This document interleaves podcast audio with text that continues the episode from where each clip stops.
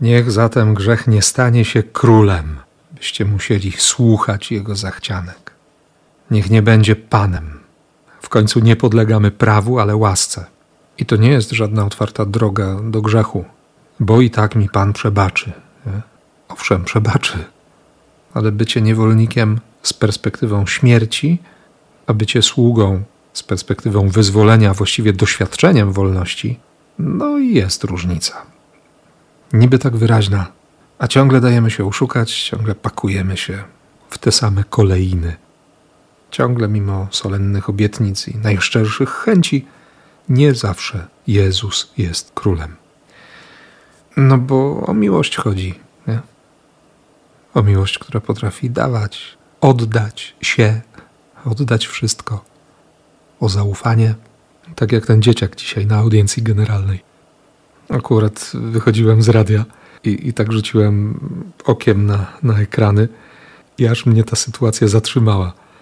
Szczególnie moment, kiedy, kiedy podszedł do któregoś z księży, mającego czytać w innym niż włoski języku skrót katechezy papieża i, i pociągnął go za ręce, do, żeby się pokazał Ojcu Świętemu, żeby podszedł bliżej. Nie ukłon z odległości trzech metrów, choć taki ceremoniał, tylko zburzenie tego dystansu. Nie? Bycie blisko. I tak sobie pomyślałem, kiedy, kiedy się kocha Boga, to ta bliskość z Nim jest tak naturalna, że grzech nawet nie ma się gdzie wślizgnąć. Nie, nie ma szczeliny, przez którą mógłby wejść. Kłopot w tym, że, że zapominam o miłości i wtedy, i wtedy drzwi są otwarte dla złodzieja, a nie dla właściciela domu.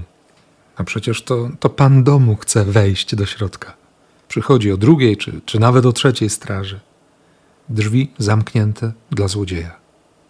Piotr zapyta tak przezornie, ale to do nas, czy może do wszystkich to mówisz? To kto jest tym wiernym i roztropnym rządcą?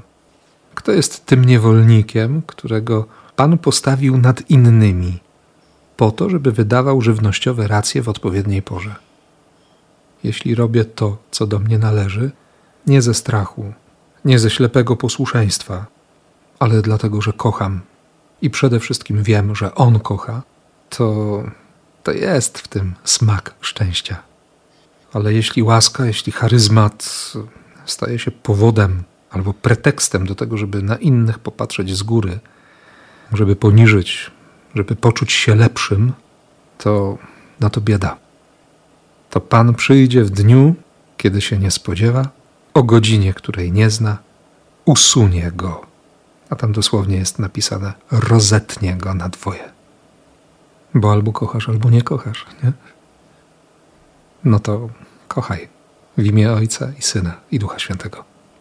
Amen.